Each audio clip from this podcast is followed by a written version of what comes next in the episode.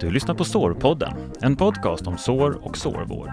Vi diskuterar sårbehandlingar, förband, bedömningar, omläggningar och mycket, mycket mer. Sårpodden är en podcast för dig som jobbar med sår, har sår eller är närstående till någon med sår eller helt enkelt vill veta mer om ämnet sår.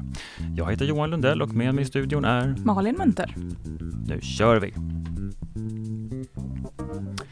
Då är det dags för ett avsnitt till av Sårpodden. Jag tänkte bara först, vi måste ju presentera oss lite så att vi sätter våra lyssnare på, på banan om man säger så. Du Malin, vem är du? Jag Malin Munter och jag arbetar som såransvarig sjuksköterska i Jönköpings kommun. Ja, och jag heter Johan och jobbar på kommunikationsavdelningen med kommunikation och är eh, programledare för den här podden då.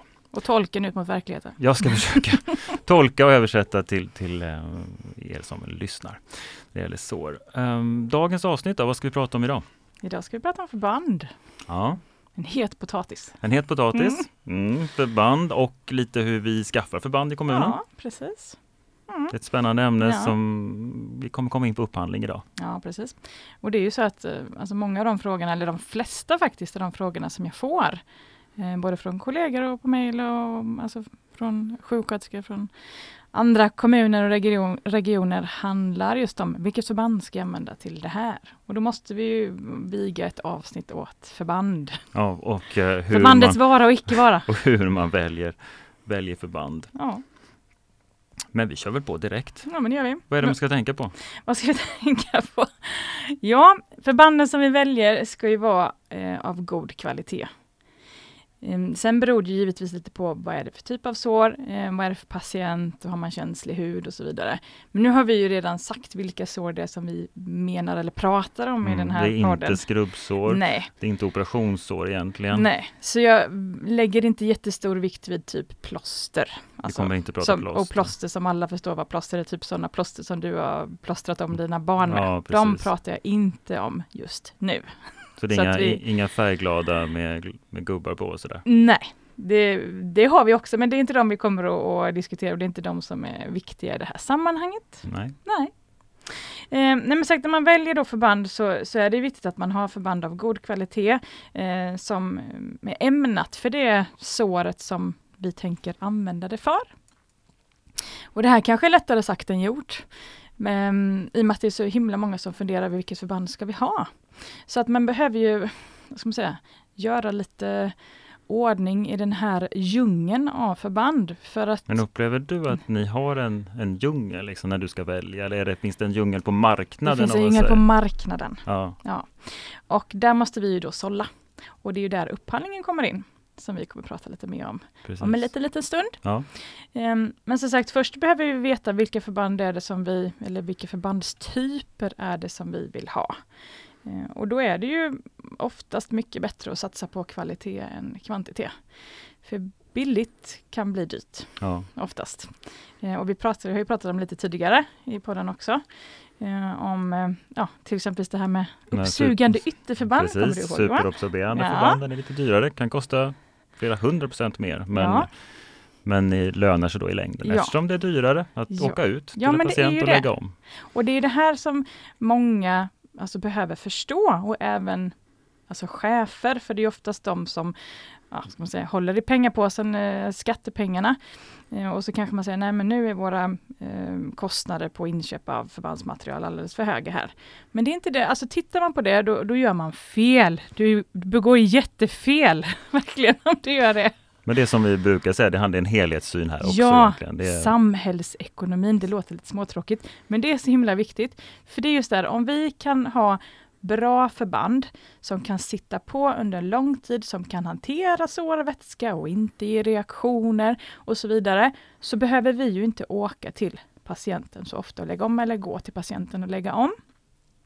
Och dels får vi en vinst i alltså tiden, faktiskt, som vi lägger på detta. Vi kanske behöver åka bil. Det behövs kanske en extra bil, det är bensin eller vad det nu skulle kunna vara för eh, medel som man tankar med. Um, och sen är det även så att när det gäller sår så ska vi inte vara där och peta för ofta. Det, såret läker bättre om det får vara i fred då? Ja, rätt, om, om ni har gjort, om, när ni har lagt rätt förband ja, från början? Ja. På grundsynen är ändå så att vi ska lägga om så sällan som möjligt och då menar vi en gång i veckan. Okay. Ja. Så att, eh, och då spelar ju förbanden en stor roll, för klart har du då till exempel inte de här superabsorberande förbanden, utan du bara har de här så kallade absorbanden. Men då tänker du att om det inte finns i din verktygslåda då, eller Ja. så för dig som sjuksköterska när du är ute och jobbar, så Ja. oj, min kommun, eller vi har inte köpt in det här. Nej, Och då, du, du, liksom, du har ju ett visst antal förband att välja Ja. på gissar jag. precis. Och det har ni ju någonstans kravställt då, eller funderat ut att det här Ja. måste vi ha. Ja. Och eh, det, sagt, det är ju så viktigt att man funderar över vilka förband är det vi behöver ha och ha koll på marknaden. Man kanske inte ens vet om att det finns sådana här superabsorberande, att det behövs och vad det kan vara bra till eller hur de funkar. Och det är klart, har man inte det, ja då har man ju inte med dem Nej, precis. och då köper vi inte hem dem. Så, så det här är en rätt så stor apparat, men man behöver eh, ja, djupdyka i området. Ja. Eh, och eh, för att, alltså när man pratar om förband så är det ju ofrånkomligt att vi måste ju prata upphandling, för att annars så blir det, det blir konstigt, för det är ju det som gör att vi får förband överhuvudtaget. Ja, och det är ju därför vi har med oss eh, en gäst i studion idag. Med oss i studion har vi nu Hans Claesson, upphandlingschef här i Jönköpings kommun. Välkommen hit! Tackar. Eh, Det låter ju spännande det här, eh, tycker kanske en del med upphandling. Några kanske tycker att det låter lite tråkigt, men varför brinner du för upphandling? Eller gör du det? Ja absolut. Eh, Det är någonting som jag har lärt mig lärt mig hela mitt yrkesliv egentligen att det gäller att göra bra affärer för vår kommun här då bland annat. Att vi köper rätt saker till rätt priser och så vidare. Viktigt med kvalitet bland annat. Kan man nästan kalla det för upphandlingsnörd då eller? Låt gå, det får gå bra. Det får gå bra, det Mm. låter, låter bra det. Eh, Ja, Malin och, eh, och jag har ju pratat eh, tidigare här om olika förband och så. Jag tänker Malin, har du någon fråga direkt Ja, till, nej, till men då Hans? är det ju så att vi bad ju Hans att vara med här idag för att vi kommer ju prata en hel del om förband. Och många av de frågorna som jag får från både kollegor eh, och andra är just ja, men vilka förband ska vi ha och varför kan vi inte välja det förbandet, precis det förbandet som vi har från, från den här tillverkaren. Eh, och då tänkte jag då måste vi bjuda in Hans så han kan få svara på det här. För det här med som sagt upphandling kanske är som sagt jätteroligt för vissa. Och ibland så förstår man kanske inte varför måste vi ha en upphandling överhuvudtaget. Och då tänker jag att Hans är väldigt bra på att svara på det. Varför måste vi ha en upphandling? Vad är en upphandling egentligen? Ja, man kan säga så här, alltså, varför måste vi ha en upphandling? Jo, det, det är så att eh, vi i Jönköpings kommun, precis som alla andra offentliga myndigheter, köper för ofantligt mycket pengar. Och eh, då finns det en grundregel som säger att vi, alla, alla som finns på marknaden ska kunna vara med och eh, kunna leverera varor till oss. Och det är ett sätt liksom att bjuda in till konkurrens, enkelt uttryckt. Och det är därför vi inte får välja då liksom vilka vi vill ha. Nej, alltså det är absolut det viktiga i det hela är att vi då eh, i kommunen här beskriver våra, våra krav. Vad är det vi behöver för någonting? Till vilket användningsområde? Och lägger eh, till alla de funktions-, kvalitets och eventuella miljökrav som finns. Eh, och det är det vi tecknar ner och sen är det upp till då de leverantörer och annat som finns på marknaden att eh, svara och ge bud på vilket sätt de kan sälja detta till oss. Men hur gör du då? Jag tänker, mm, kan du allt om, om eh, förband nu, olika sår och verktyg och instrument eller hur, hur går det till? Eh, Absolut inte. Eh, vi på upphandling jobbar lite grann så kallat eh, områdesvis eller kategorivis eh, där vi försöker vara, ha lite kunskap inom respektive område men vi måste i alla de här fallen ha med oss specialistkunskap ifrån verksamheten som kan beskriva vad behovet är och vi kravställer därefter. Eh, utan delaktighet från verksamheten så funkar det inte och då får vi inga bra avtal. Hur har det gått till? Vad har vi gjort nu senast? Har vi gjort någon, någon stor upphandling i Jönköpings kommun kopplat till, till det här området? Ja, eh, för en tid sedan så gjorde vi då våran eh, som vi kallar sjukvårds och förbandsupphandling eh, som innehöll en, eh, väldigt många hundra artiklar eh, där vi kravställde tillsammans med då sakkunniga, bland annat Malin här. Eh, hur, vil, vad, är, vad är det vi förväntar oss av de här produkterna? Vad är det de ska klara och så vidare. Eh, sen får vi in anbud och då, som jag brukar säga, vi klämmer och känner och eh, läser de produkterna och eh, provar dem kliniskt också. Eh, för att kunna bedöma dem. Och där är det ju så att produkter, en del döms ut och en del går vidare för fortsatt utvärdering i våra sammanhang. Hur gör du då Malin när ni när du jobbar med det här? Får du liksom, Ja, hur kravställer man? men precis. Jag tror att nu sist när vi gjorde den här upphandlingen så har vi nog gjort någonting som är rätt unikt för um, kommundelen i alla fall. Du får rätta mig här om jag har fel Hans, men jag har ju varit med lite på att se hur regionen gör sina upphandlingar. Och de är ju väldigt mycket det här att man ska kravställa varenda ett litet förband, varenda litet plåster som man känner att man har behov av. Ska det stå hur många centimeter det ska vara, hur mycket klister det ska vara, om den här lilla uppsugande delen som sitter i mitten ska den vara centrerad och så vidare. Så att det är ett gediget arbete. Och eh, jag vet inte, jag har hört en sån här liten klyscha, Hans du får rätta mig om jag har fel, men att en upphandling blir inte bättre än det liksom underlaget, så alltså tiden som man lägger ner på det. Lägger man inte ner tid så blir det inget bra. Ja, det stämmer exakt och det är ju så att vi, jag kallar det kravställa. Alltså vi skriver ner vad är det för typ av produkt vi ska ha och vad ska den klara exempelvis uppsugningsförmåga och annat. Och eh, det vi tar fram innan vi går ut och frågar på marknaden det är det som också ska gälla när vi tittar på, på produkterna när anbuden kommer in. Så eh, det vi väljer ska egentligen vara en spegling utav det vi kravställer. Mm. Hur viktigt är det med, med pris då i det här fallet? Hur, hur värderar man det om man vill ha eh, kvalitet kontra pris? Och, Mm. och hur tänker ni där? Eh, alltså det finns alltid en, eh, vi gör en viktning, faktor, pris kontra kvalitet. Och, och eh, det bedömer vi lite grann innan i olika upphandlingar. Hur ska det här relatera till varandra i det här fallet då? Eh, och om jag tar exemplet då med sjukvård och förbandsupphandling så har vi haft eh, eh, många sådana obligatoriska krav på de här produkterna. Vi har haft en del också önskvärda krav. Och eh, uppfyller man de här sakerna och då relaterar vi till priset därefter. Hur, hur länge gäller en sån här upphandling nu som ni har gjort? Det verkar vara ett ganska stort jobb som ni har lagt ner. Hur många år Man gäller kan, den? man kan säga så här att för att det tar kanske ett år eller lite, lite mer än att, att genomföra en upphandling utav det här slaget. Och vi gör ett så kallat ramavtal och det är i, i grund och botten tänkt att gälla i fyra år. Det kan i alla fall inte gälla längre än fyra år. Det är reglerat på det sättet. Sen har vi valt att göra i Jönköpings kommun så har vi ju en grossistupphandling. Vilket innebär att vi har en grossist som levererar allt material till oss. Så vi köper ju inte förband och så vidare från enskilda leverantörer. Eh, och det är också viktigt att komma ihåg. För det ser lite olika ut där, hur man faktiskt väljer att göra. Men jag skulle nog vilja säga så här också att ibland så hör jag från andra eh, kommuner och även regioner att Eh, man kanske inte är nöjd med vissa förband eller man tycker att man saknar någonting. Men då skulle jag vilja påstå lite där att nej, men då har du kanske inte kravställt på rätt sätt. Eller vad säger du Hans? Eh, så kan det ju vara, och, men det det är, liksom, det är, det är liksom lite grann av svårigheten. Det är att fånga upp hela kommunens behov när man går ut och gör en upphandling. Och är det så att vi ska fokusera på hela 100% inom exempelvis ett förbandsområde eller ska vi upphandla 80 utav det.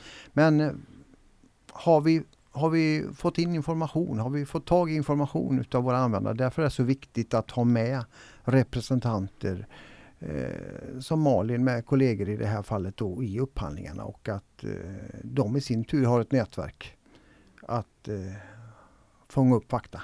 Men hur gör man om det kommer fram några nya spännande Eh, förband på marknaden som verkar vara mycket, mycket bra och sen har man inte kravställt kanske precis att man kan, man kan plocka in det. Hur, hur gör man då? Nej, det jag, alltså, i, i, i, I varje upphandling och i varje avtal så finns det en öppning att eh, kanske under en avtalsperiod då titta på om det kommer upp fram eh, nya produkter, utveckling och så vidare. Eh, då kan man absolut pröva dessa och så vidare. Sen är det en avvägning huruvida eh, man ska ta in dem i pågående avtal eller eh, man får avvakta tills nästa upphandling. Gud vad bra Hans! Nu är vi solklart här hur upphandling funkar. Och eh, hur lång tid är det kvar nu till nästa gång? Ni hade precis gjort det så att vi har eh, kört Jag några hoppas år. det är många år. Må- Många år kvar, men det låter bra. Men eh, då tackar vi dig Hans. Mm. Tackar så mycket.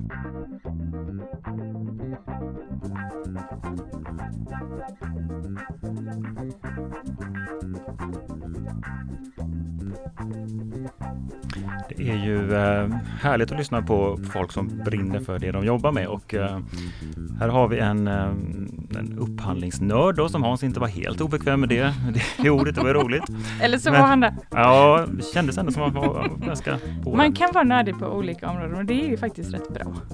Ja, men det är det. Det Ja, behövs. Det, ja, det, det det, är ju, det. det är ju ofta så att nördarna som driver Ja. utveckling framåt. Ja, Eller hur? ja men det är ju så. Ja. Det måste vara så. Men när ni har gjort en sån där stor upphandling, då, vad är nästa steg? Nej men då är det ju så att vi har ju nu då eh, som sagt en förbandsupphandling med en grossist. Och när man har gjort en upphandling så behöver man ändå strukturera upp hur man ska använda vissa typer av förband. Så min rekommendation är ju att man gör en eh, lista. Vi har valt att kalla den här, kalla den här listan för rekommenderad val av förband i Jönköpings kommun. Men vem gör den listan? Alltså, varje sjuksköterska ska göra en egen lista? Nej, Det låter... Ja precis, det blir väldigt omständigt. Nej, då är det så här att vi utgår faktiskt från, vi har ett samarbete med regionen här med hudkliniken på Rehov. Och de gör en lista utifrån sin upphandling, för vi har ju inte samma upphandling. Nej. Så att det kan skilja sig lite på eh, exakt vilken fabrikat av förband som vi får. Men då har de en grund och sen så fyller vi på lite den här och lägger till då som vi kallar synonympreparat. Förstår du vad det betyder? Johan? Ja men det vet jag, då är det likvärdigt preparat Ja. från en annan leverantör eller tillverkare. Ja, precis. Så att om nu patienten kommer från sjukhuset och har en, en specifik omläggning, så ehm, kanske vi inte har de produkterna, exakt de produkterna med det produktmärket eller Nej. leverantörsmärket. Och då kan vi enkelt se vilket ska vi ta istället. Men hur hanterar man till exempel om, om eh, patienter reagerar ja, med en allergi eller så? Ja, på då får man byta ut, då får man ta reda på vad är det de har allergi för. Det, det, som säga, det vanligaste som ändå inte är så himla vanligt, men det Mm, som vi Det som råkar ut för. inträffar Ja, någon gång ibland kanske? Det, ja, precis. Det är ju ehm, att någon är ehm, så känslig för silikon. Eh, nu kommer vi prata lite mer om silikonförband längre fram eh, och vad det är för någonting. Men det är väl det som de, eh, man kan reagera för. Och sen ibland då en del alltså tejp, häftor man fäster saker och ting med. Det är väl det vanligaste och reagerar, reagerar man på båda de här då är det problematiskt. Det, det är en utmaning för att alltså hur ska vi fästa förbanden egentligen på vissa kroppsdelar? Men i sådana här specialfall då som kan uppkomma, är man Mm. ändå låst till den upphandling vi har gjort och de här listorna eller kan man Nej. laborera lite? Ja, alltså skulle vi nu känna att nej men vi skulle behöva ha det här, då kan vi ju lägga till det, precis som Hans sa, att det finns ju utrymme. Men vi försöker ju ändå i största möjliga mån att inte lägga till massa onödiga saker, om man får lov att säga så. Och sen försöker vi också, alltså rent allmänt, det här med upphandling, att ha faktiskt så lite grejer som möjligt. Det låter kanske lite konstigt, men alltså ju fler förband vi har, desto svårare är det att lära sig dem. Och jag har hört lite om i Sverige att vissa har gjort sådana här upphandlingar där man kan köpa alla förband på hela marknaden. Och då pratar vi nästan, alltså, ja, kan, jag är inte exakt säker på siffrorna, men om vi pratar 800 olika typer av förband. Eh, och alltså, det här är ju svårt som det är. Och har vi då en hel djungel då att välja på, hur ska vi kunna välja rätt i detta? Jag tror inte att det är rätt väg att gå. Men det är min personliga men- åsikt. Men i, i vårt fall då så har eh, du och dina kollegor satt ihop den här listan Ja. som man har att jobba utifrån och sjuksköterskorna ute i verksamheterna, de behöver egentligen inte tänka mer på Nej, på de ska vilka- försöka att lära sig de, jag får nu då säga, få förbanden som vi har. Men de förbanden som vi då har valt att ha med, eller där som vi har kravställt och fått med på vår upphandling, de försöker vi ha väldigt många olika storlekar. Så allt från pytteliten, någon centimeter till jätte, jättestora. Så att det finns en bredd i eh, just storlekarna. Men hur går det till rent praktiskt då? Hur, hur lär man sig det här? Hur lär man sig det här? Jag tänker alltså hur, när, de, när man ska välja, man Ja. är ute i verksamheten, Ja. om du ska välja det här eller det här, har ni en utbildning, har ni kurs? Jag har utbildningar, jag har utbildningar för mina kollegor. Um, tar ju upp det här, liksom lite nyheter, vad som har hänt ute i världen och så. Ehm, och sen så är det så att precis som allt annat, ju mer man jobbar med någonting, desto bättre blir man ju på det. Så har man nu, är man sjuksköterska eller undersköterska och har en patient med ett sår och gör en omläggning, så blir du ju bekväm med de förbanden som du använder. Du lär ju dig att förstå dem på ett sätt. Så, man känner liksom hur de funkar och hur det ser ut när det har suttit en vecka.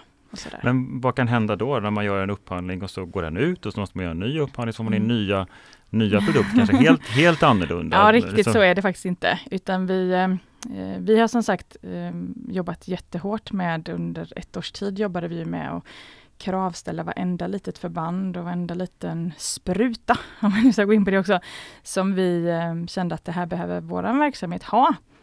Um, och det, sagt, det finns ju då många olika tillverkare på olika förband, men man får ju liksom ändå de som man behöver ha i verksamheten. Men det är ju det här att som sagt, jag hör ju på vissa, eh, på vissa kollegor i andra kommuner och runt om i Sverige att ja, men varför har vi inte detta? Och det är ju för att ni inte har sagt att ni behöver ha det. Ni har Nej, inte kravställt det. Man måste tänka till innan ja, då, men förstås, det är ju det. och ligga lite i framkant. Ja, med och är det ett förband som man känner att det här förbandet är jätteviktigt och vi använder väldigt mycket av detta, då ska man ju lägga enormt mycket tid på alltså kravställa just den produkten, att det ska vara si och det ska vara så, det ska suga upp så här mycket. Det ska fixa och vara under lindor under tryck. Det ska inte ge reaktioner, man ska kunna klippa i det, det ska inte ramla ur grejer när man klipper i det. Eh, så det är verkligen, alltså det är det. Ju mer arbete som man lägger ner på upphandlingen och, ska man säga, de personer som är med i den här, ju mer de kan om området, desto bättre blir det och bättre blir det för oss som jobbar. Så det är himla viktigt. Spännande. Mm. Är det något mer kring förbandsval som vi ska ta upp innan vi ja, går vidare? Ja, precis. En sista grej som jag vill skicka med. Vi pratade ju lite om det här innan just med pengarna i det hela, för att förbanden kostar ju pengar. Och då behöver vi vara, eh, om vi säger nu att vi har en patient som har ett sår och eh, personen i fråga då eh, låter inte den här omlägg omläggningen vara i fred. De kanske, som häromdagen, jag var med om en, en patient som tog av sig förbandet sex gånger på ett dygn.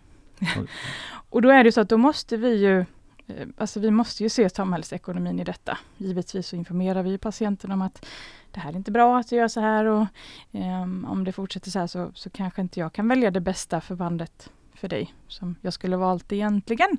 Utan då får jag ta något billigare alternativ. Kanske till och med då ett appsförband. För, att, för att du måste byta så ofta? Ja, för det, det spelar ju ingen roll. Nej. Jag skulle kunna välja världens dyraste förband, men klart tas det av efter två timmar, då spelar det ju ingen roll. Alltså, för det, vad hinner det att göra? Och vi kan ju inte ösa, eller vi ska ju inte ösa Alltså eller slösa med våra skattepengar i onödan. Alltså det är ju det är vi som är med och betalar. Så man måste ju vara man måste ju titta ordentligt på detta, att man måste ha compliance som vi kallar det. Okay. Mm, vet du vad det är? Nej, det ordet är ju... mm. Det är just det här att få med sig patienten eller personen frågar upp på resan. Att ja. man, och det som vi pratade om. Det är patientinformation eller? egentligen, fast ett större begrepp då, compliance. Ja, eller? precis. Att man, eh, ja, att man har med sig personen i fråga helt enkelt på de åtgärderna som vi föreslår för att saker och ting ska bli bättre. Så det är jätteviktigt. Men sen är det också så här, är det nu så att vi har en, en patient som har ett sår och vi känner att ja, men vi behöver verkligen ha det här förbandet och det är det dyraste förbandet som vi har. Men vi tror verkligen att det här är det bästa för just denna patienten. Då får inte kostnaden stå i vägen för att vi väljer att använda det eller inte. Nej, men det är väl återigen då ett samhällsekonomiskt ja. perspektiv så kanske ja, det är, är, är, bättre att ha det här ja. superförbandet. Eller vad man ja. ska säga. ja, så är det. Ja.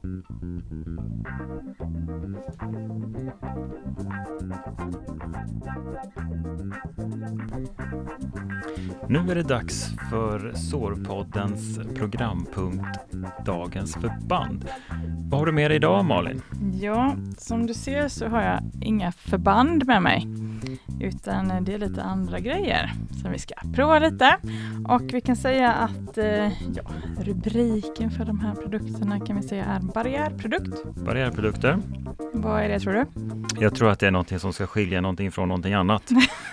att du bygger upp några små barriärer här inne i såret på något sätt. Inne i såret på något sätt? Det gissar jag. Inne i såret? Ja. Mm. Vill du ändra det uttalandet? Det låter som jag borde det. Nej, det vill jag inte. Vi får, vi, har, vi får se vad du har, okay. vad du tycker vi ska gång. peta in i såret. Ja, ja nej, men sagt, barriärprodukt, du, du var ju lite inne på rätt spår där i alla fall. Mm. Men eh, kommer du ihåg att vi pratat lite om det här med att vi behöver skydda sårkanterna? Ja, så att de inte luckras upp. Ja, och det är det som en barriärprodukt är till för.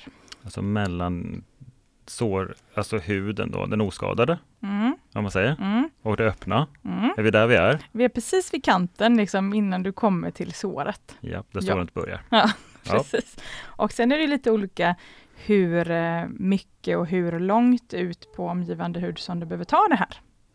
Men eh, är det vätskande så, så kan du behöva ha en typ av sån här produkt. En bit, en liten bit barriär barriär. Barriär. barriär. Ja. en bit barriär behöver Bit man ha. Ja. Ja. Så att jag Du får tänkte, visa. ja, så att jag, jag behöver ju låna din arm. Det får du göra. Jag får lite tester på dig. Du får inte skära i den. Men jag ska lova, jag ska inte skära i den. Eh, vi har ju lite olika varianter av barriärprodukter som du ska få prova här. Ja. Och se vad du, eh, vad du känner. Och så får du beskriva vad det är som jag gör. Kommer den här övningen innefatta någon form av smärta? Eh, jag hoppas inte det. det Det får vi se. Jag är, jag är beredd. Ja, ja, bra. Så vad har jag här nu då? En spatel, Mhm. eller? Ja, Det ser ut som någonting som man skulle kunna ha när man... mm. vad gjorde jag för någonting nu då? Du eh, drog ut den här längs min hand. Mm. Penslade på lite liksom. Du penslade på. Ja, Mm. Känns det, om du pillar på den, känns det någonting då? jag pillar med andra handen Mm, och det är alltså mm. Väldigt klibbigt. Helt klibbigt. Helt ja. klibbigt. Mm. Så det var ju som, vad ska man säga, en liten topp sådär. Och det luktar lite, lite kemiskt. Lite kemiskt. Ja. Mm. Nu är de här parfymfria, men det är konserveringsmedel som Okej. luktar. Ja, Så, men det här är en del i det hela och som sagt det är en liten tops kan vi säga. en liten tops. Ja. Ja. Det spänner och stramar lite nu på handen. stramar lite grann. Ja. Mycket lite men ändå. Mm, så tar vi den andra. Får du beskriva hur det här Och ser en ut som. stor tops då. Det ser mer ut som en godisklubba. En godisklubba fast det inte är det. Ja. Ja, så gör vi likadant där då. På samma ställe nu så drar hon den här över min, min hand. Mm. Vad händer nu då? Ska Det någon, ska det vara någon skillnad? Jag ville mest påvisa att det finns lite olika storlekar här. ja, nej, det är klibbigt. Mm, det är klibbigt. När jag tar min andra handen på, ovanpå Mm. ovansidan på den andra Mm. handen så känner jag fastnar ju faktiskt. Mm. Och det är väldigt bra att säga det, för då kommer vi till den här eh, andra delen i detta. Att en sån här produkt, dels då så ger den ju en barriär mot alltså vätska. Men sen ibland har vi vissa områden där det är svårt att fästa ett förband, till exempel sakrum. Kommer du ihåg det? va? Ja, det är rumpdelen. Rumpdelen ja. Mm. Det är svårt att fästa ett förband där och få det att sitta kvar. Och då kan en sån här produkt göra att det faktiskt fäster bättre. Vi får liksom lite klistereffekt. Så så lite, Ja, det, Alltså nu, så. det blir klistrigare och klistrigare. ja, precis. Hur är det om man har mycket hår på huden här då? Ja, men det, det ska inte vara några konstigheter alls. Det klistrar ändå. Ja, det klistrar ändå. Så.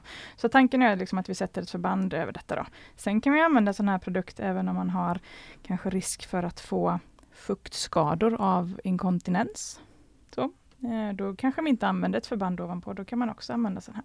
Men andas det här? Det är helt, Det andas så det är barriär mot vad då? Fukt? mot fukt. Men, men luften går igenom, Ja. huden andas som Ja. vanligt. Ja. Och läkningen Mm. förstås. Ja, påverkas inte negativt. Sen finns det en annan form också när vi har haft lite klubbvarianter eller toppsvarianter. Nu, du blir ju verkligen ver- försöksperson här nu. Men nu sprayar jag lite också. Så. Men det är alltså samma sak fast i spray. Okej, det är samma kan man ju välja substans här- på något sätt Ja. då, eller? Då kan man ju välja på vilket sätt vill jag applicera det här med ett Ja. fint ord då. Ja. Så att ibland så kanske det är bättre med spray. Och rent ekonomiskt så brukar det vara billigare att använda sprayen och du får ju exakt samma sak här. Det är samma med Ja. medel som kommer Ja. på, på Men, huden. men de här topsen som vi pratar om, de är ju engångs. Varför skulle du vilja topsa? Varför skulle jag vilja topsa? Vad är fördelen? Jag tycker sprayet verkar Ja, jättesmidigt. precis. Ibland kanske när du har em, ett just litet specifikt område där du vill skydda, då sprayen blir ju, alltså, den når ju ut lite för stort. Ja, just det.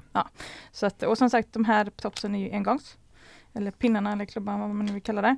Och eh, sprayen är ju inte engångs, utan det fortsätter ju så den är slut. Så den räcker ju fler gånger. Men det här, har det någon desinficerande effekt eller sånt där? Det är Nej. bara rent Barriär. barriär. Yes. Mm. Och sen så, eh, vi kan ta din andra hand nu då, så ser- Jag har en, en okladdig. en okladdig hand.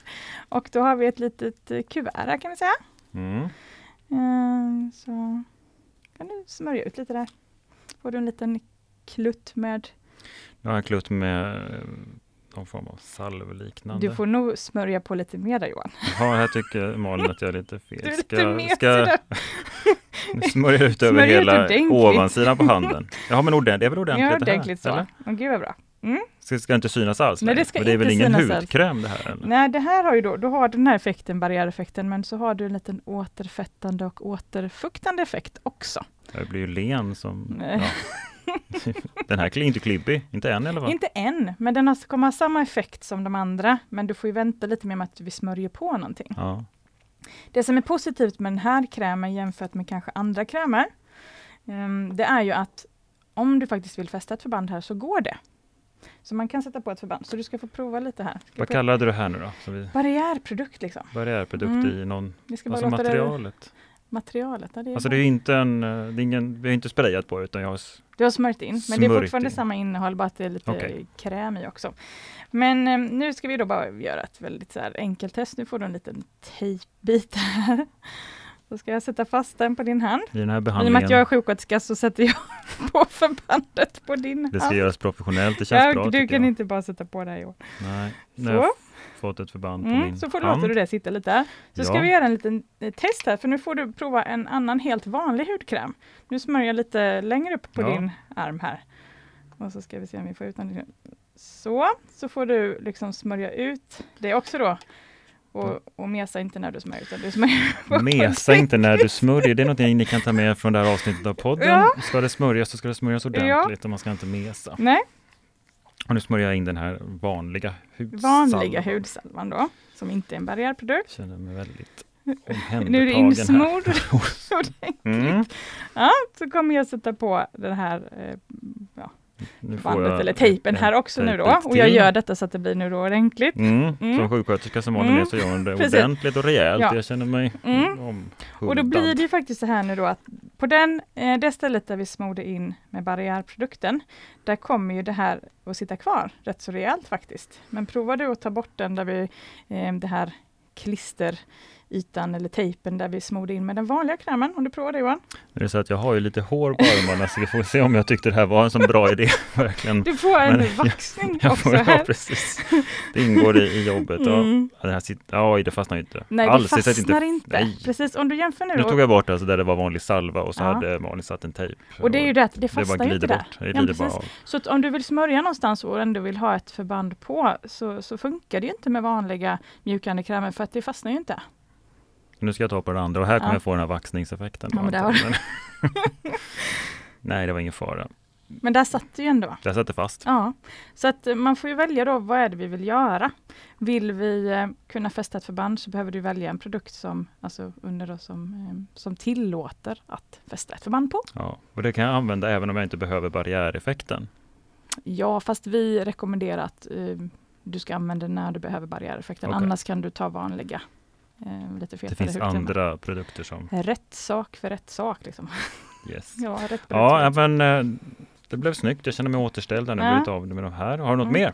Nej, det var det. Det var det som var dagens förband eller produkt eller vad vi nu ska kalla det. Men en viktig del i, i eh, sårbehandlingen och eh, för att även då undvika eh, fuktskador i sakrum. Ja, Bra, då går vi vidare. mm.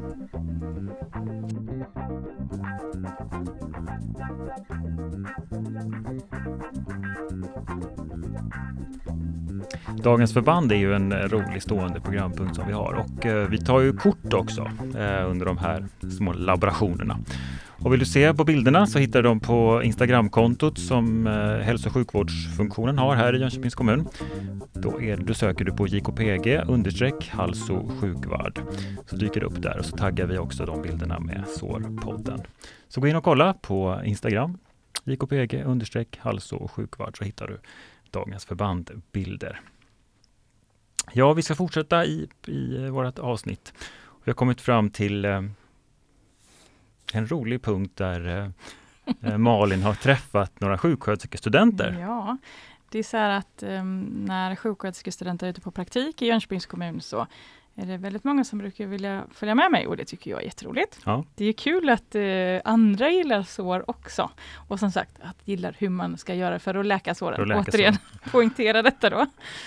För det är ju det som är hela grejen med det här. Ehm, och um, sist när jag hade med mig studenter så um, spelade vi in lite efter vi hade varit ute en dag. Så att, eh, jag tänkte att ni ska få ta del av det. Mm, då lyssnar vi på det på Ja. en gång. Ja, då har ju ni fått följa med mig lite här idag. Ni kan väl presentera er lite grann? Hej, Jag heter Stina och läser termin 4, sjuksköterskeprogrammet. Ja, och du? Och jag heter Linnea och går med Stina. Ja. Härligt. Och ni har fått följa med mig här nu lite under förmiddagen och eh, vi har träffat lite olika patienter med olika typer av sår. Vad, hur tyckte ni att det här har känts nu under dagarna? Eh, väldigt lärorikt att få se det i verkligheten. Var det som du trodde? Delvis, ja. Men Ja. det var bättre att få en bild Mm. i praktiken. så. Var det någonting som du blev förvånad över eller inte riktigt var så som du trodde att det skulle vara? Ja, Eller är det svårt att sätta ord på det? ja Mm. just för att man inte har varit med hela förloppet tidigare. Men eh, mm, Nu använder vi oss av lite instrument idag. mm, Vi använder oss av kurett och pincett. mm. Eh, har du använt någon kurett tidigare? Eller sett? Nej. Nej. Nej. Hur tyckte du det verkade? Ja, men eh, att det var just att man får vara försiktig och Mm. ja, när det är vassa grejer så. Ja, men precis. Ja. Så man inte skär sig. Nej, precis. Mm. Mm. Vad tyckte du då? Ja, nej, men jag tycker det har varit väldigt eh, lärorikt och intressant och kul att få åka runt så här Mm. till olika patienter också. Mm. Mm. Hade du stött på äh, använt någon kurett innan? Nej, det har Nej. jag aldrig använt Nej. faktiskt. Nej. Tyckte du att det verkade vara att använda det? Ja, nej men det är som Stina sa också, Mm. man får ju vara lite försiktig och Mm. sådär. Mm. Kanske se efter lite. Men eh, som du också sa tidigare, att, man, eh, att det gör ju inget om det blöder Mm. Nej, lite utan nej. det är ju bara bra för men läkningen. Mm. Hade ni stött på innan det här att man faktiskt bedövar på såren innan man gör någonting? Att man kan spraya på lite bedövningsmedel? Nej, Nej, Nej. inte alls. Mm. Ja. Det är en väldigt bra grej att komma ihåg fortsättningsvis tycker jag. Ja, att man faktiskt ja. kan det. För att det är inte så himla allmänt känt och patienterna ska ju inte behöva ha ont. Alltså. Nej. Nej. Det, hade jag lite svårt att förstå att det gick ner Mm. så, gick så dju- fort. djupt Mm, mm. Men därför är den här sprayen väldigt bra. Som Mm. vi använder då, silikonsprayen. Mm. Eh, hur kände ni här nu? Nu fick ni ju prova också att hålla i pincetterna Mm. och eh, skrapa bort lite död hud som inte skulle vara på huden. Mm. Hur kändes det? Kul. det är det här pillret Ni är som lika roligt, konstiga ja. som jag är. Ja, precis.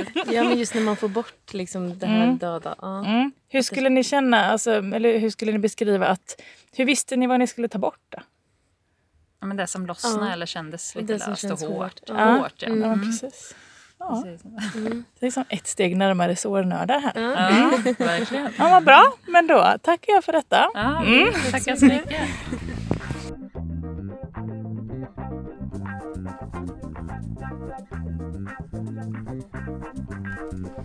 Ja, roligt eh, att höra Stina och Linnea där berätta om, om hur, hur de har haft det. Det verkar som att de skulle kunna bli sårnördar, precis som du. Precis.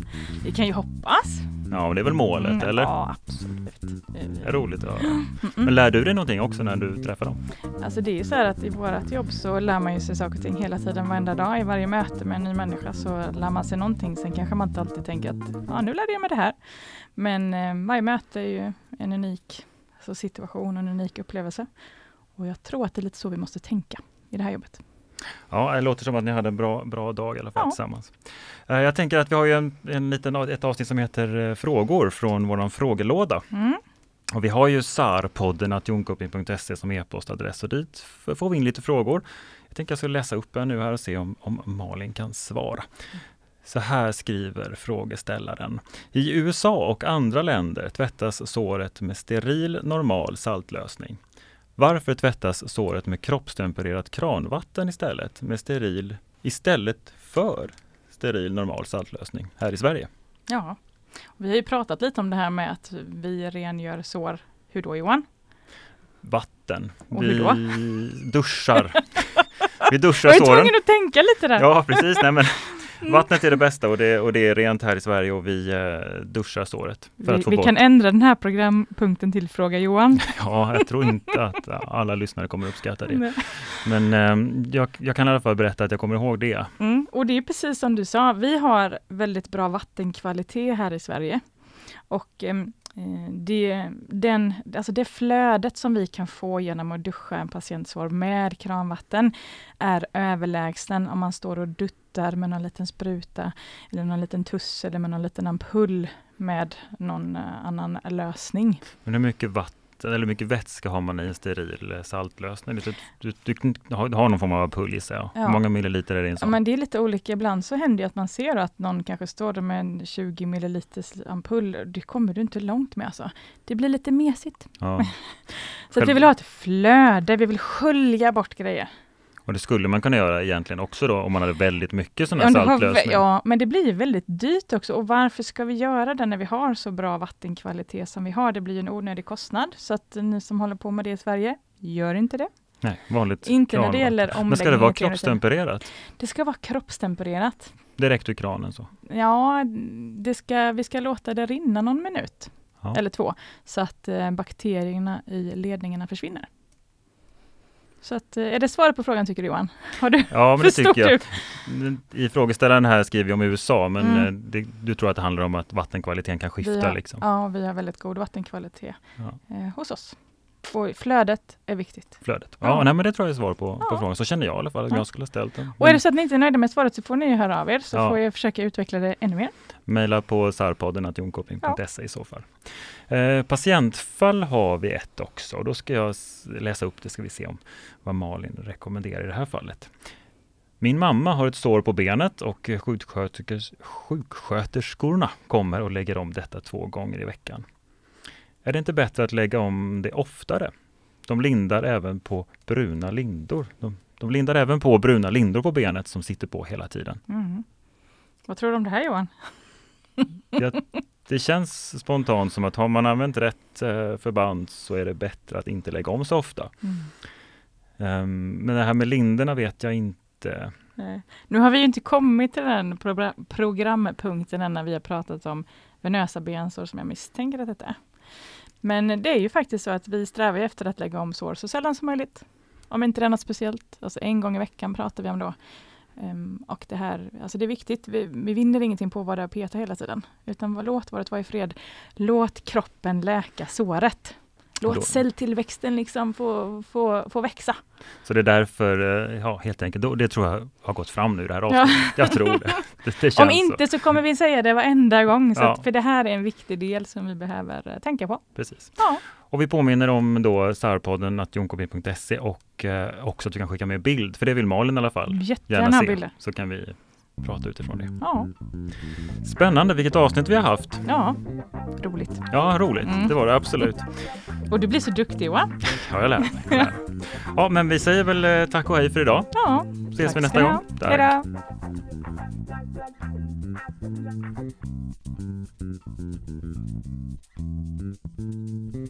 Nu har vi ju pratat mycket om upphandling och det. Alltså var det så var kul va? Jag tycker att det är roligt. Ja, men det handlar om att man planerar. Så man kan säga så här att ja, så, som man sår får man skörda.